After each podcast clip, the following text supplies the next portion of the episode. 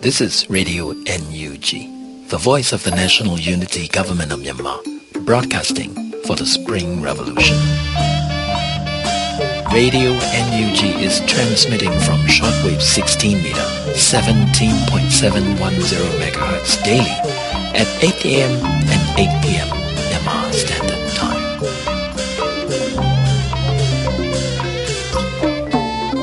မင်္ဂလာပါခင်ဗျာအမျိုးသားညီညွတ်ရေးအစိုးရရဲ့အသံလွှင့်ဌာနက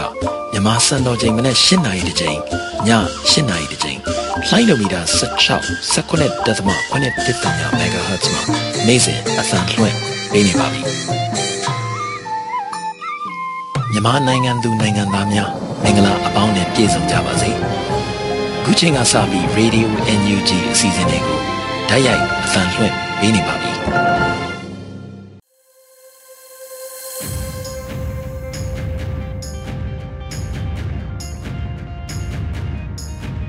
မြန်မာနိုင်ငံသူနိုင်ငံသားများတဘာဝပေးစစ်အာဏာရှင်ဘေးတို့ကနေကင်းဝေးပြီးကိုယ်စိတ်နှပါကျန်းမာလုံးကြုံကြပါစေလို့ Radio NUG အဖွဲ့သားများကဆုတောင်းမေတ္တာပို့သလိုက်ရပါတယ်။အခုချိန်ကစပြီး Radio NUG ရဲ့သတင်းများကို တင်ဆက်ပေးတော့မှာဖြစ်ပါတယ်။ကျွန်တော်ຫນွေဦးလွင်ပါ။အခုပထမဆုံးအနေနဲ့ပြည်သူလူထုရဲ့တော်လှန်ရေးစိတ်ကြောင့်အကြမ်းဖက်စစ်ကောင်စီရဲ့အောင်ပါလေးထီဟာအဆုံးသတ်သွားပြီဖြစ်ကြောင်း မြို့သားညီညွတ်ရေးအစိုးရရဲ့စီမံကိန်းဗန္ဒာရေးနဲ့ယင်းနှိမ့်မြုံနယ်မှုဝန်ကြီးဌာနပြည်ထောင်စုဝန်ကြီးဦးတင်ထွန်းနိုင်ကပြောဆိုခဲ့တဲ့သတင်းကိုတင်ဆက်ပေးမှာဖြစ်ပါတယ်။အောင်ပါလေးထီကိုတပိတ်မှောက်တာဟာပြည်သူတွေရဲ့တော်လှန်ရေးစိတ်ကြောင့်ဖြစ်တယ်လို့စုချင်းနေတဲ့ຫນွေဦးထီကိုပြည်သူတွေကထိုးနေတာဟာလေတော်လှန်ရေးစိတ်ကြောင့်ဖြစ်တယ်လို့အမျိုးသားညီညွတ်ရေးအစိုးရ NUG ရဲ့စီမံကိန်းဗန္ဒာရေးနဲ့ယင်းနှိမ့်မြုံနယ်မှုဝန်ကြီးဌာနပြည်ထောင်စုဝန်ကြီးဦးတင်ထွန်းနိုင်ကပြောဆိုပါတယ်။ ဩဂုတ်24ရက်နေ့ကပြုလုပ်ခဲ့တဲ့အမျိုးသားညီညွတ်ရေးအစိုးရရဲ့သတင်းစာရှင်းလင်းပွဲမှာပြည်ထောင်စုဝန်ကြီးကအခုလိုပြောဆိုခဲ့တာပါ။အောက်ပါလီတီကိုပြည်သူများဘက်ကတပိတ်မှောက်လိုက်တာဟာတော်လန်ရေးစိတ်နဲ့တပိတ်မှောက်လိုက်တာဖြစ်တယ်။ အောင်လန်လွင့်ချီຫນွေဦးထီကိုတိန်းတောင်းချီဆိုတဲ့စုမဲများမလုံးများမပါဘဲနဲ့တီတစောင်း2000ထိုးတာဟာလေပြည်သူရဲ့တော်လန်ရေးစိတ်နဲ့ထိုးတာဖြစ်ပါတယ်။ပြည်သူတွေရဲ့တော်လန်ရေးစိတ်တဲ့ရှင်သန်နေသမျှကာလပတ်လုံးအောင်ပါလီတီတီဘယ်တော့မှပြန်လာတော့မှာမဟုတ်ပါဘူးလို့ဝန်ကြီးကပြောပါတယ်။စစ်ကောင်စီအနေနဲ့စုကြီးတွေဘလို့ပေးမယ်လို့ပြောပြောအောင်ပါလီတီပြိုလဲသွားမှာဖြစ်တယ်လို့ဥပဒေကြောင်းအရလဲအောင်ပါလီတီဟာတရားမဝင်တော့ဘူးလို့ဝန်ကြီးကပြောပါတယ်။ ကျွန်တော်တို့အစိုးရကလောင်ကစားဥပဒေပြင်ထားပါတယ်မြန်မာနိုင်ငံမှာထီဆိုလို့ရှိရင်အောင်လန်လွှင့်ချီຫນွေဦးထီပဲရှိပါတယ်ဆိုတာကိုပြည်ထောင်စုလွှတ်တော်ကနေအတည်ပြုပြဋ္ဌာန်းပြီးသားဖြစ်ပါတယ်လို့ဝန်ကြီးဦးတင်ထွန်းနိုင်ကပြောသွားတာပါတရားဝင်အောင်ပါလီထီကိုရောင်းချခြင်းမပြုဖို့ထီလုပ်ငန်းရှင်တွေကိုတတိပေးတားမြစ်ချက်ထုတ်ပြန်ထားပြီးဖြစ်တယ်လို့လည်းဆိုပါတယ် ဗန်နာငွေရှာဖွေရေးအတွက်ကိုပဲကျွန်တော်တို့ရောင်းတာမဟုတ်ပါဘူး CDM တွေအတွက် UTB ရောင်းတယ်ဆိုတာကိုကျွန်တော်တို့ချိန်ဖန်များစွာပြောခဲ့ပြီးပါပြီလို့ဝန်ကြီးဦးတင်ထွန်းနိုင်ကပြောပါတယ်စံသက်ကာလမှာထီတိုးချင်းလုပ်ငန်းစဉ်အောင်မြင်သွားတဲ့ပြည်သူတွေစီကိုချိတ်ဆက်ပြီး CDM ဝန်ထမ်းတွေစီကိုပိုက်ဆံလွှဲပေးဖို့ကိစ္စတွေလည်းအခုဆောင်ရွက်နေတယ်လို့ဝန်ကြီးကရှင်းပြပါတယ်ပြည်သူတွေလုံခြုံစွာထီထိုးနိုင်ဖို့စစ်ကောင်စီဘက်ကခြေရာခံလို့မရတဲ့နီလန်းတွေနဲ့ပြန်လာမယ်လို့လည်းပြည်ထောင်စုဝန်ကြီးဦးတင်ထွန်းနိုင်ကပြောပါတယ်။ຫນွေဦးထီရောင်းရငွေကို CDM တွေစီလွှဲပြောင်းပေးမှု စုချင်းအနေနဲ့ပြန်လည်ပေးအပ်မှုစတာတွေကိုပွင့်လင်းမြင်သာစွာထုတ်ပြန်ပေးသွားမယ်လို့လည်းဆိုပါတယ်။ဒီတရားရိုးရိုးထီမဟုတ်ပါဘူး။တော်လန်ရေးထီဖြစ်ပါတယ်။တော်လန်ရေးထီဖြစ်တဲ့အတွက်တော်လန်ရေးစိတ်နဲ့ပြည်သူကနေဆက်လက်ပြီးတော့ပူပေါင်းပါဝင်နေသမျှကာလပတ်လုံးကျွန်တော်တို့နဲ့ပြည်သူကြားတဲ့ကိုစစ်ကောင်စီကဝင်ရောက်နှောက်ယှက်လို့ရနိုင်မှာမဟုတ်ပါဘူးလို့ဦးတေထွန်းနိုင်ကပြောကြားသွားခဲ့တာပါ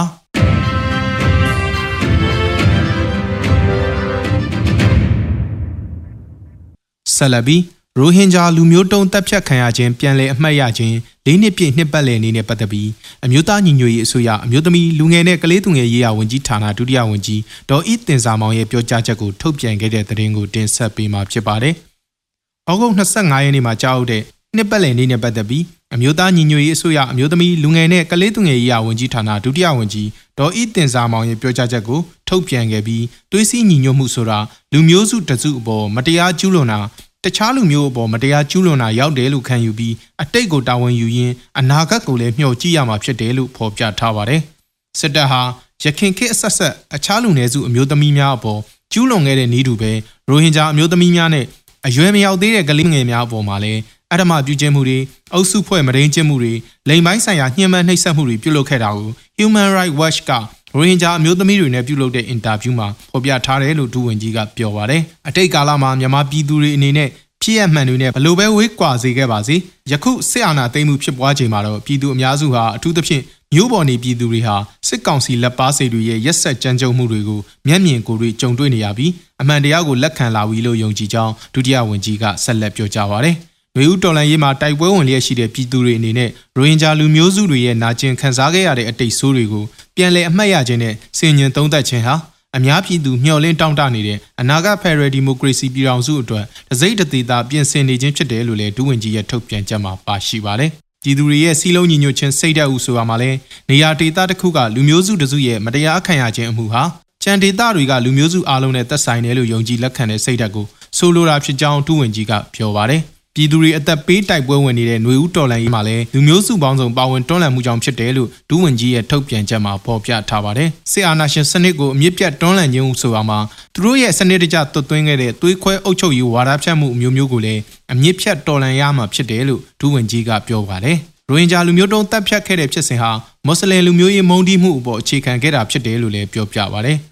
Human Rights Watch ရဲ့ဖော်ပြချက်အရ2019ကစတင်ပြီးစစ်တပ်ကရိုဟင်ဂျာလူမျိုးများအားတပ်ဖြတ်ခြင်းမရင်းမှုများကျူးလွန်ခြင်းမတရားဖမ်းဆီးခြင်းနဲ့နေအိမ်များမိရှို့ဖျက်ဆီးခြင်းတို့ကြောင့်ရိုဟင်ဂျာလူမျိုး6သိန်းကျော်အိန္ဒိယချင်းဘင်္ဂလားဒေ့ရှ်နိုင်ငံကိုထွက်ပြေးခဲ့ရတယ်လို့ဆိုပါတယ်။လက်ရှိအချိန်ထိရိုဟင်ဂျာ8သိန်း6တောင်းဟာကမ္ဘာအကြီးဆုံးဒုက္ခသည်စခန်းဖြစ်တဲ့ကော့ဘဇားမှာနေထိုင်နေရဆဲဖြစ်တယ်လို့ဆိုပါတယ်။ ပြည်တွင်းမှာကျန်နေတဲ့ရိုဟင်ဂျာတသိန်း2000ကျော်ဟာလည်းရခိုင်ပြည်နယ်မှာရှိတဲ့ဒုက္ခသည်စခန်းမှာပညာရေးကျန်းမာရေးအစရှိတဲ့အခြေခံလိုအပ်ချက်တွေချွတ်ချုံကျစွာနဲ့နေထိုင်နေရဆဲဖြစ်တယ်လို့ဒူးဝင်ကြီးရဲ့ထုတ်ပြန်ချက်မှာဖော်ပြထားပါတယ်ခင်ဗျာ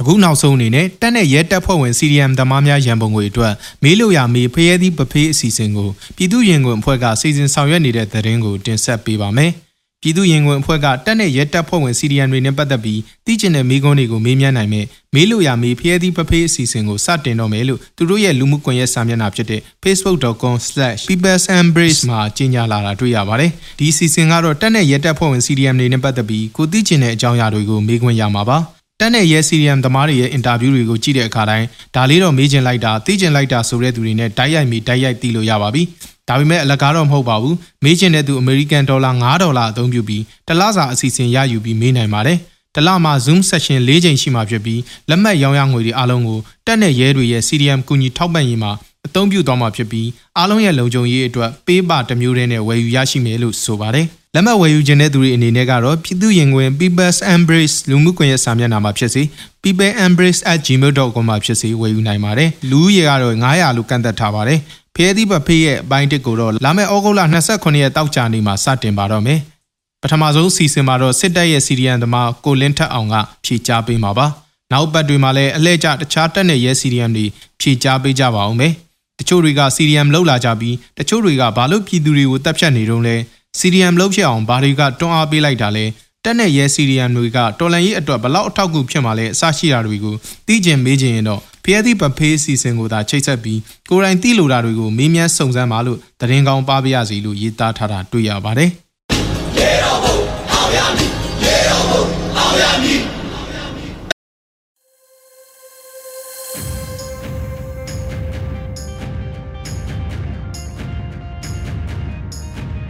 မြန်မာနိုင်ငံသူနိုင်ငံသားများတဘာဝပေးစစ်အာဏာရှင်ဘေးတို့ကနေကင်းဝေးပြီးကိုစိတ်နှပါကျမ်းမာလုံးကြုံကြပါစေလို့ Radio NUG အဖွဲ့သားများကဆုတောင်းမေတ္တာပို့သလိုက်ရပါတယ်။အခုချိန်ကစပြီး Radio NUG ရဲ့သတင်းများကို တင်ဆက်ပေးတော့မှာဖြစ်ပါတယ်။ကျွန်တော်ຫນွေဦးလွင်ပါ။အခုပထမဆုံးအနေနဲ့ Radio NUG အစီအစဉ်ကိုဒီမနက်ကစတင်ပြီးပြန်လည်စမ်းသပ်ထုတ်လွှင့်နေပြီဆိုတဲ့သတင်းကိုတင်ဆက်ပေးမှာဖြစ်ပါတယ်။ စမ်းသပ်ထုတ်လွှင့်ရမှာပုံမကောင်းမွန်တဲ့ပြင်ဆင်မှုတွေပြုလုပ်နိုင်ဖို့ခိတ္တရန်နာထားတဲ့ Radio NUG အစီအစဉ်တွေကိုဒီမနက်မှာပဲပြန်လည်စတင်ထုတ်လွှင့်နေပြီဖြစ်ပါတယ်။ဒီနေ့ကစပြီးတော့မနက်၈နာရီနဲ့ည၈နာရီတွင်မှာလိုင်းဒိုမီတာ16 MHz 7.81တွေကနေ Radio NUG ကထုတ်လွှင့်တဲ့အစီအစဉ်တွေကိုလေလိုင်းမှာတိုက်ရိုက်ဖမ်းယူနားဆင်နိုင်ပြီဖြစ်ပြီးထုတ်လွှင့်ချိန်ကိုမိနစ်30စာသတ်မှတ်ထားပါတယ်။တနေ့မှာနှစ်ကြိမ်ရွေထားတယ်လို့လည်းသိရပါတယ်။ မိဘပြည်သူများအနေနဲ့ data အလိုက်ဖမ်းယူရရှိမှုအခြေအနေတွေကို Radio NUG Facebook page ဖြစ်တဲ့ facebook.com/radionug ကို message ကနေဆက်သွယ်ပြီးကူညီပေးနိုင်ကြဖို့အတွက်လည်း Radio NUG ဖွဲ့သားတွေကမေတ္တာရက်ခံထားပါတယ်။ Radio NUG အစီအစဉ်ကိုဩဂုတ်လ20ရက်နေ့ကလည်းမနက်၈နာရီမှတစ်ကြိမ်ည8နာရီမှတစ်ကြိမ်စံသက်ထုတ်လွှင့်ခဲ့ပါသေးတယ်။နားထောင်မှုအတွက်ကတော့တန်ပန် Digital Radio ဆိုရင်ရရှိပါပြီ။အိမ်တိုင်းတစ်လုံးစီဝယ်ထားကြဖို့အတွက်လည်းတိုက်တွန်းထားပါသေးတယ်။ အကြံဘက်စစ်ကောင်စီကတော့ Radio NUG ကိုပြည်သူတွေနားမထောင်စေနိုင်မှုအရေးရေဒီယိုဈေးကွက်ထဲမှာတင်ဆက်မှုတွေအထိပြုလုပ်ထားတာပါ။အဲ့ဒီလိုပဲ Radio NUG နဲ့ပတ်သက်သူတွေကိုအရေးယူမယ်ဆိုတဲ့အထိကြေညာထားပါတယ်။ Radio NUG ကိုအကြံဘက်စကားစတို့ဘလောက်ထိထိတ်လန့်နေလဲဆိုတာအသိသားကြီးပါ။ပြည်သူတွေအနေနဲ့လည်း NUG ရဲ့သတင်းထုတ်ပြန်မှုတွေကိုသိရှိနိုင်မှုအတွက် Radio NUG ကိုစောင့်မျှော်နာတော်တာဆင်ဖို့သတင်းစကားပါလိုက်ပါရစေ။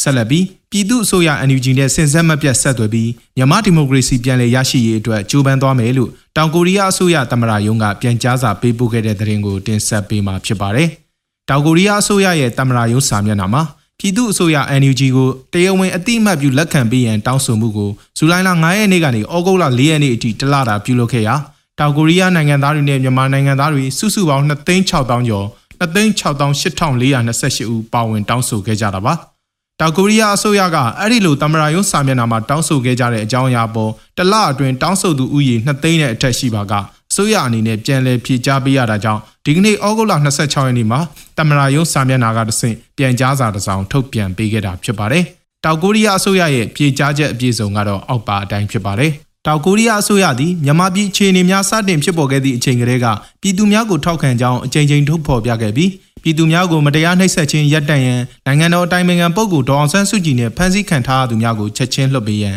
မြန်မာဒီမိုကရေစီနဲ့ငြိမ်းချမ်းရေးတည်ဆောက်မှုပြန်လည်ရရှိရေးအတွက်စဉ်ဆက်မပြတ်တောင်းဆိုလာခဲ့ပါသည်ပြည်ခဲ့သည့်မက်လာတွင်လည်းမြန်မာပြည်နှင့်နိုင်ငံတော်ကာကွယ်ရေးလုံခြုံရေးကဏ္ဍများတွင်ပူးပေါင်းဖလှယ်မှုအသစ်များရပ်တန့်ခြင်းစစ်ဘက်သုံးဆိုင်ရာပစ္စည်းများတင်ပို့ခြင်းအားခွင့်မပြုခြင်းမြန်မာပြည် ODA project များပြန်လည်စည်းစိမ်ခြင်းနှင့်တောင်ကိုရီးယားနိုင်ငံအတွင်းကနေမြန်မာနိုင်ငံသားများအားလူသားချင်းစာနာတဲ့အထူးနေထိုင်ခွင့်ပေးခြင်းတို့အားထုတ်ပြန်ခဲ့ပါသည် တောင်ကိုရီးယားအစိုးရသည်အနာဂတ်တွင်လည်းမြန်မာပြည်သူများ၏ဆန္ဒနှင့်ကိုက်ညီသောလမ်းစဉ်ဖြင့်အခြေအနေများဖြည့်ရှင်းနိုင်ရန်စင်ဆက်မပြတ်ဆောင်ရွက်သွားမည်ဖြစ်ပြီးထိုလမ်းစဉ်တွင် NUG အစိုးရအပါအဝင်အဓိကတာဝန်ရှိသူများနှင့်စင်ဆက်မပြတ်ဆက်သွယ်ဆောင်ရွက်သွားမည်ဖြစ်ပါသည်တောင်ကိုရီးယားအစိုးရသည်နိုင်ငံတကာအတိုင်အဝန်နှင့်နှီးကပ်စွာပူးပေါင်းရင်းမြန်မာဒီမိုကရေစီနှင့်ငြိမ်းချမ်းရေးတို့အတွက်ဆက်လက်ကြိုးပမ်းဆောင်ရွက်သွားမည်ဖြစ်ကြောင်းထုတ်ပြန်ထားတာဖြစ်ပါတယ်။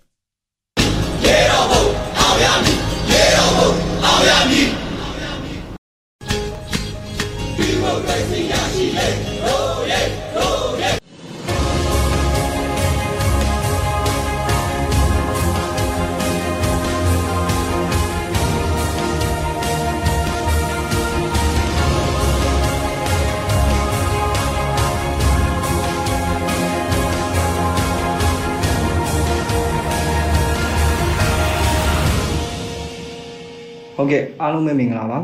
အဲခုနေ့ဆွေးနွေးပွဲလေးကတော့ကျွန်တော်တို့တော်လိုင်းရေးနဲ့ပတ်သက်ပြီးတော့ပြည်သူတွေတွေ့ကြုံခံစားနေရတဲ့စိတ်ပိုင်းဆိုင်ရာအခြေအနေတွေကိုဆွေးနွေးသွားဖို့အတွက်ကျွန်တော်တို့မြကြီးနားတက္ကသိုလ်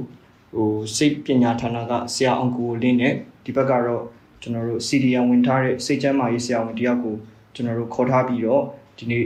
ပွဲလေးအတွက်စိတ်ပိုင်းစိတ်ပြည်သူတွေခံစားနေရတဲ့စိတ်ပိုင်းဆိုင်ရာအခြေအနေတွေကိုဆွေးနွေးသွားမှာဖြစ်ပါတယ်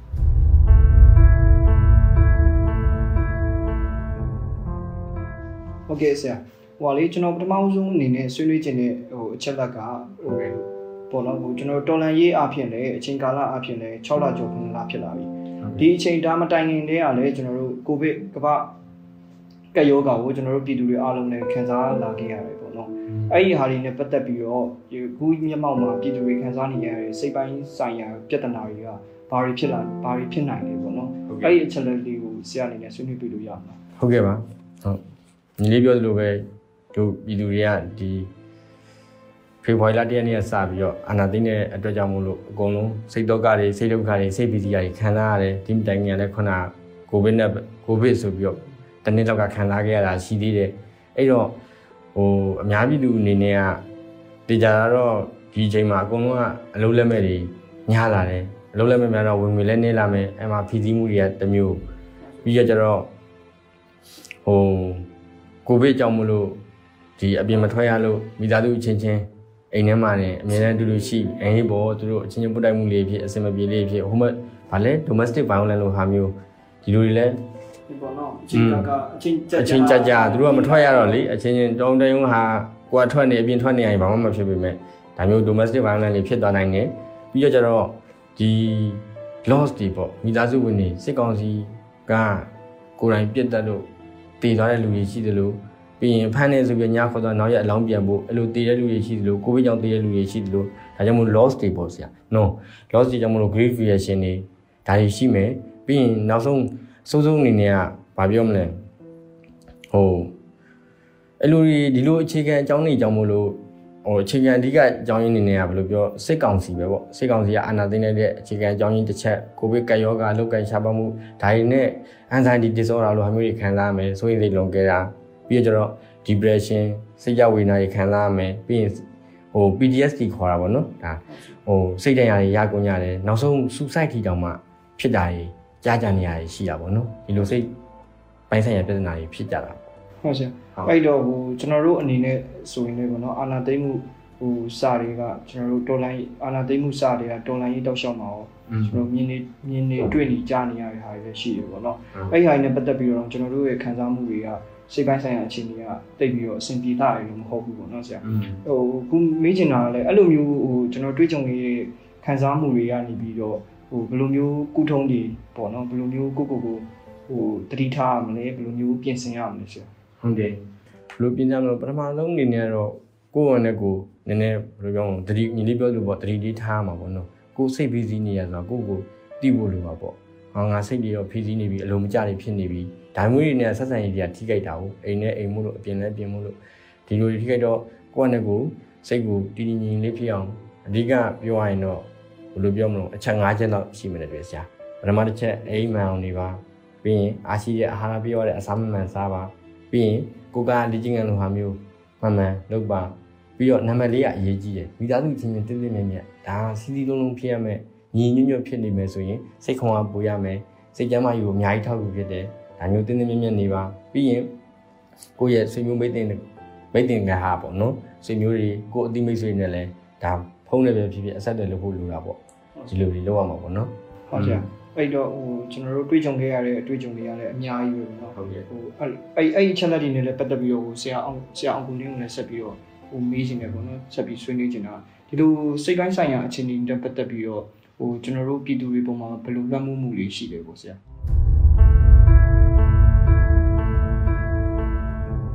ဟုတ်ကဲ့ကျွန်တော်ဒီလိုပေါ့ဒီ ခုနဆရာပြောခဲ့တယ်လို့ပေါ့နော်ဒီလူတွေကကာလကြာရှည်နော်တစ်နှစ်ကျော်တစ်နှစ်ခွဲလောက်ကာလကြာရှည်စိတ်ပိုင်းဆိုင်ရာပြဿနာတွေကိုခံစားလာရတယ်ခံစားလာတဲ့အခါမှာ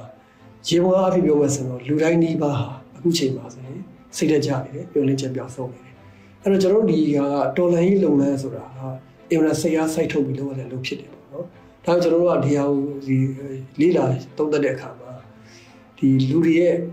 မျှော်လင့်ချက်ကိုကျွန်တော်တို့အဓိကကြည့်ရအောင် နော်အဲအကယ်ကျွန်တော်လူတယောက်ကအလုပ်တစ်ခုလုပ်တဲ့အခါမှာမျှော်လင့်ချက်မရှိဘူးလို့ခံစားရရင်သူကအဲ့ဒီလုပ်ကိုအင်တိုင်းအားနဲ့မလုပ်တော့ဘူးနော်မျှော်လင့်ချက်ရှိတယ်ဆိုမှလည်းသူကအင်တိုင်းအားနဲ့လုပ်တာရှိတယ်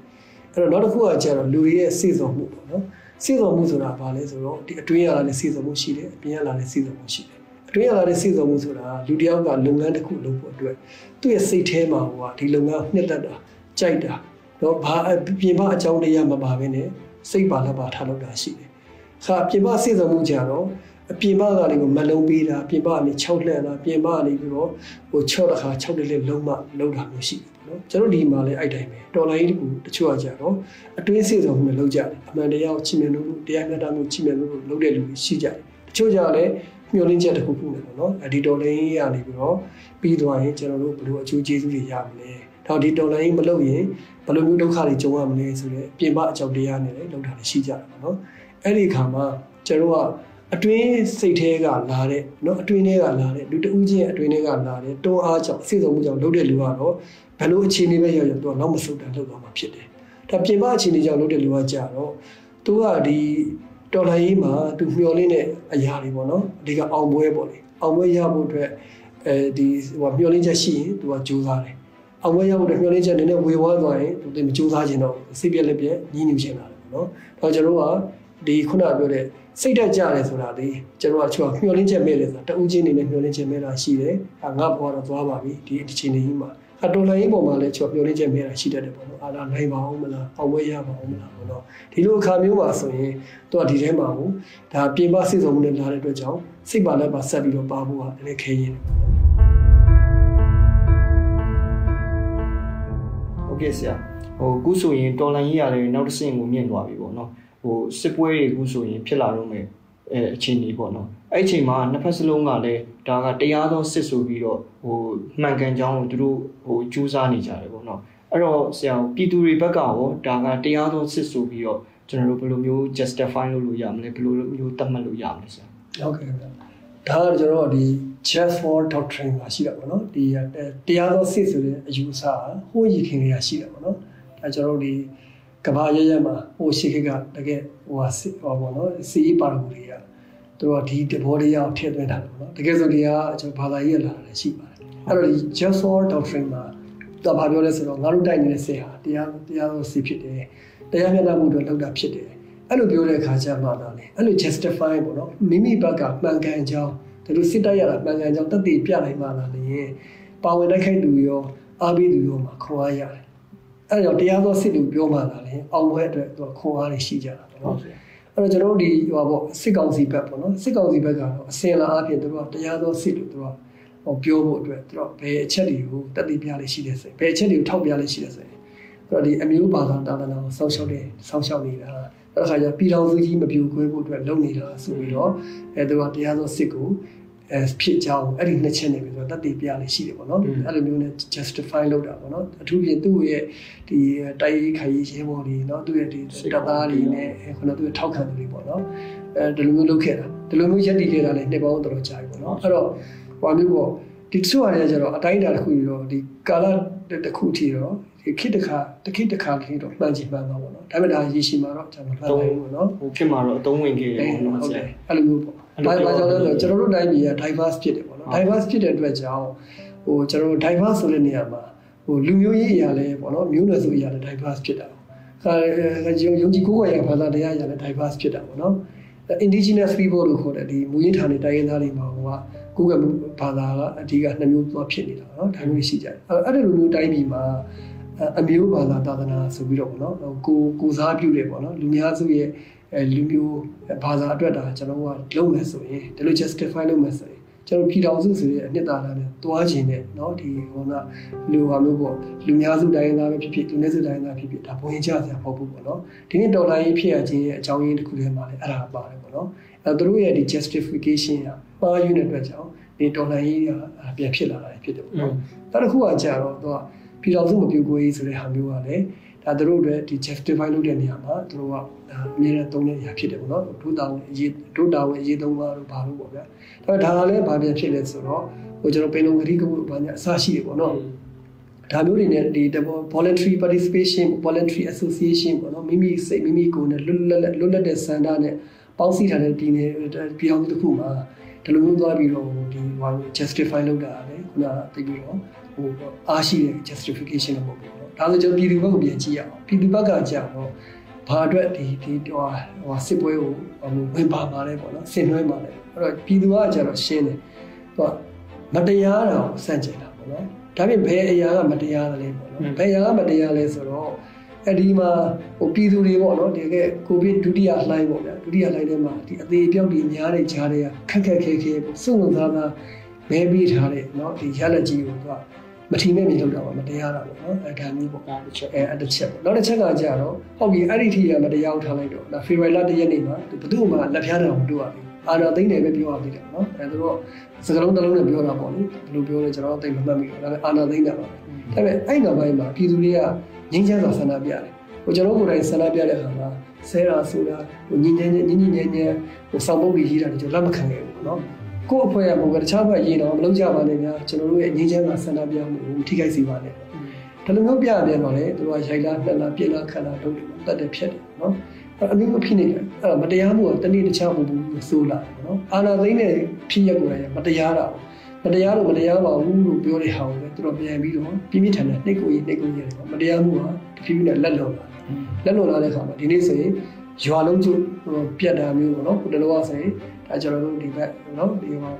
မျိုးကစကိုင်းလိုင်းထဲမှာထင်တယ်တပင်းရင်ဘက်တပင်းရင်ဘက်တပင်းရင်ဆက်ကခြင်းပဲဆလေးနှစ်ကလေးပါအပါအဆုလိုက်တုံးနဲ့တက်ပြီးပြီးရှို့ခဲ့တာလည်းရှိတယ်မတရားမှုကအရက်လုံကြလာတယ်။ဘာကြီးတယ်လည်းပြစ်တက်ခဲ့တာအဆုံးပေါ့နော်။အဲ့တော့ဒီဟာတွေလှုပ်လှုပ်လာတဲ့ခါမှာမတရားမှုကလူတိုင်းရဲ့အိမ်ထဲကိုအချိန်မီရောက်လာနိုင်ပြီ။အဲ့ဒါကြီးကိုမြင်တဲ့ခါမှာဒီမတရားမှုကိုဖယ်ရှားရမယ်ဆိုတာကကျွန်တော်တို့ဒီပြည်သူများရဲ့တော်လှန်ရေးစစ်ထဲမှာပါဝင်ရခြင်းရဲ့ justification ဖြစ်တယ်ဒါကျွန်တော်တို့ကအဲ့မတရားမှုဖယ်ရှားတဲ့အခါမှာ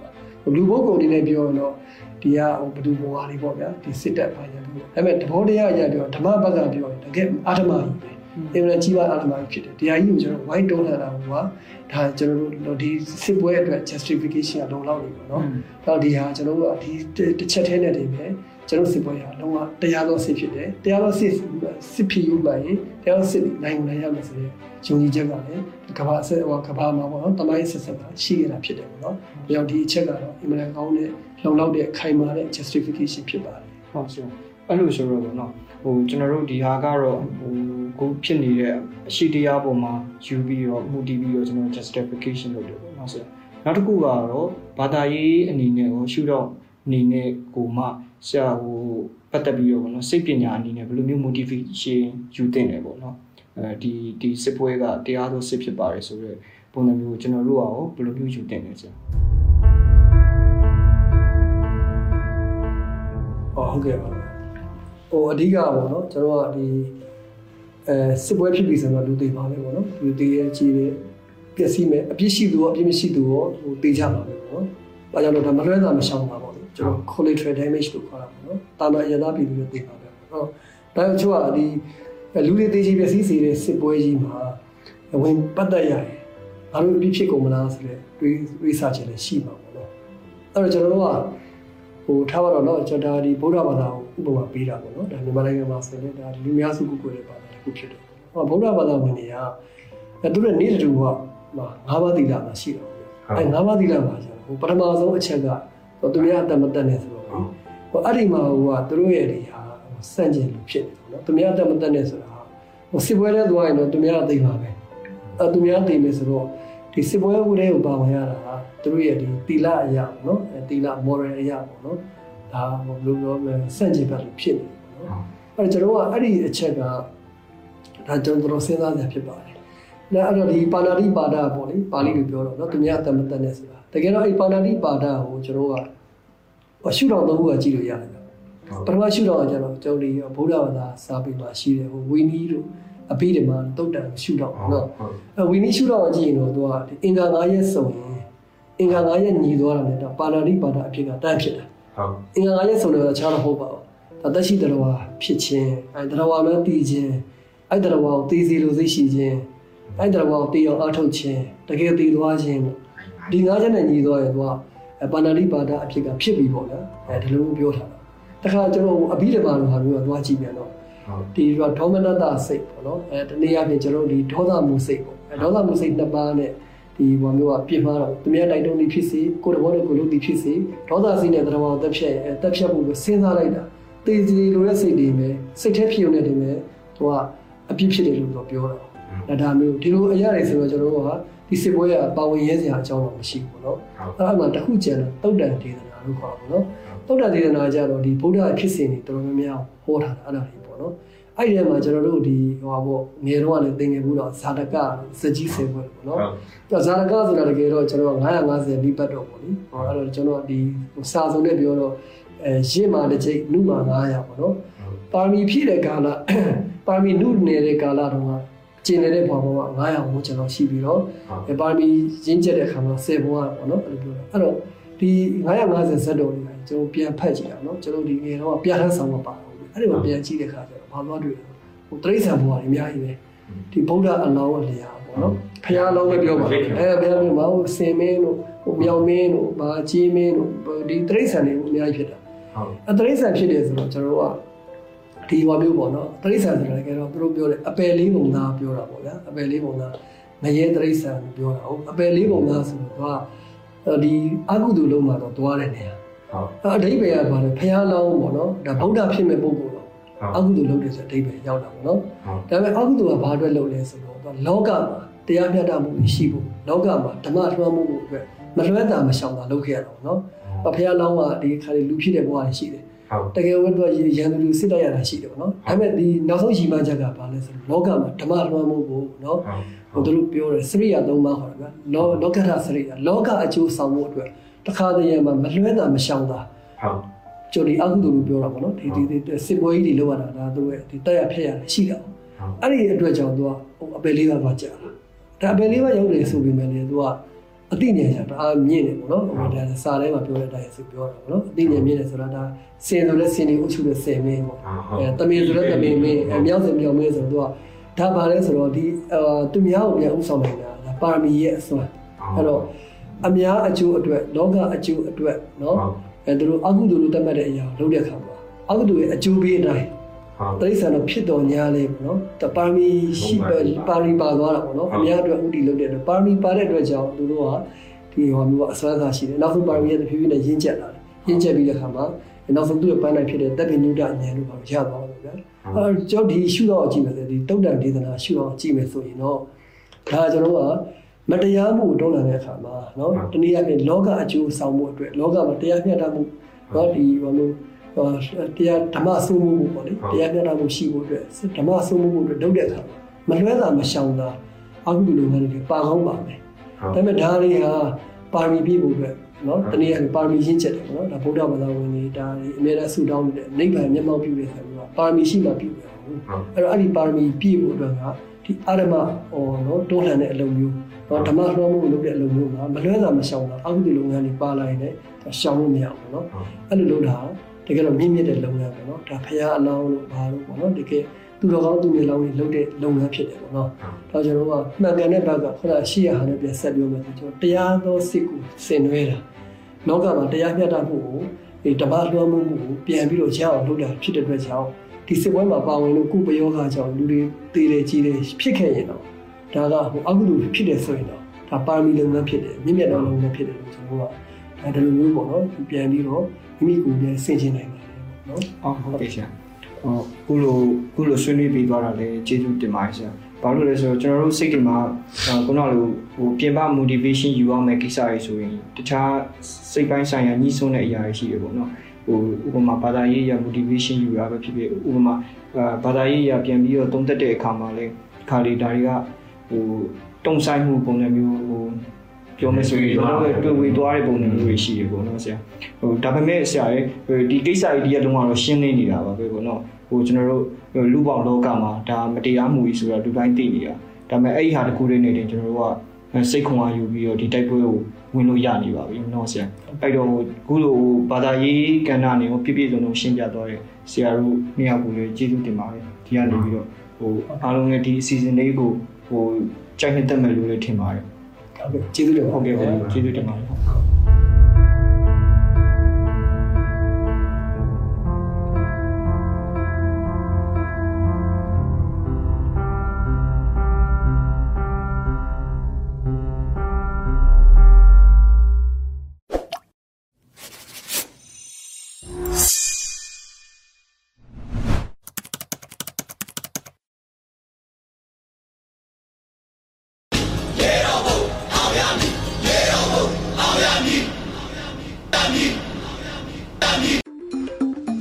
ဒီကနေ့တော့ဒီညနဲ့ပဲ Radio NUG အစီအစဉ်လေးကိုကိတ္တရန်နာလိုက်ပါမယ်မြန်မာစံတော်ချိန်မနေ့၈နာရီညနေ၈နာရီတို့မှာပြန်လည်တွေ့ဆုံကြပါစို့လိုင်းဒိုမီတာ16 19တက်သမ9တက်ဆုံည MHz မှာဖမ်းယူနားဆင်နိုင်ပါတယ်မြန်မာနိုင်ငံသူနိုင်ငံသားများကိုယ်စိတ်နှပြချမ်းမာချမ်းသာလို့ဘေးကင်းလုံခြုံကြပါစေလို့ Radio NUG အဖွဲ့သူအဖွဲ့သားများဆုတောင်းပေးလိုက်ပါတယ် အမျိုးသားညီညွတ်ရေးအစိုးရရဲ့ဆက်သွယ်ရေးသတင်းအချက်အလက်နဲ့ဤပညာဝန်ကြီးဌာနကထုတ်လွှင့်နေတဲ့ Radio NUG ဖြစ်ပါတယ်။ San Francisco Bay Area ခြေဆိုင်မြန်မာမိသားစုများနဲ့နိုင်ငံတကာကစေတနာရှင်များလုံအားပေးများရဲ့ Radio NUG ဖြစ်ပါတယ်။အရေးတော်ပုံအောင်ရမည်